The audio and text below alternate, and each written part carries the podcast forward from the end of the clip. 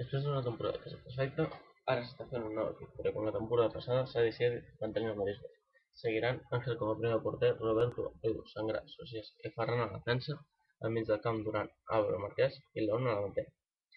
El migcampista Mañas, que volta per viatjar no va trobar amb el Salvo 08, però finalment retorna a casa i renova per una temporada més al conjunt personal. Com entre Reus i Reus són filials, doncs s'aprofita de la pedrera perquè pugin de categoria. Molts han tingut minuts durant la pretemporada i així durant la temporada, però part de la pedrera del juvenil, on també trobem bones peces formades a casa. Són el cas de Damià, Àlex López, Riqui, Dani Argilaga i Jordi Prat. I com tot el mercat d'estiu, té les seves baixes i les seves altes. Les altes són Nando, pivot ofensiu de Sant Andreu, Pedrito, extrem, ràpid de i l'últim en arribar va ser Rubén Fonte, del Borriol, que destaca pel seu efecte golejador.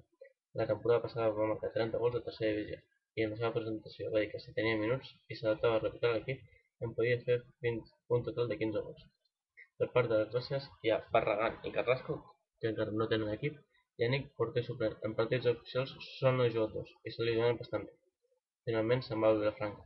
Trujillo, després de les seves vacances i de diverses ofertes sobre la taula, finalment jugarà al Teruel.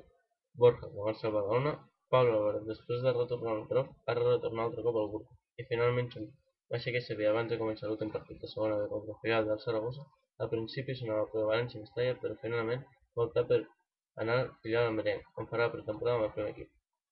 Abans de començar la Lliga, que començarà el 25-26 d'agost, aquesta setmana han començat ja els entrenaments. Diumenge viatjaran a Real per fer l'estat de pretemporada, on el dia 27 jugaran el seu primer amistós contra la selecció d'Andorra a Real. Després retornaran a casa i començaran més partits preparatoris per la temporada.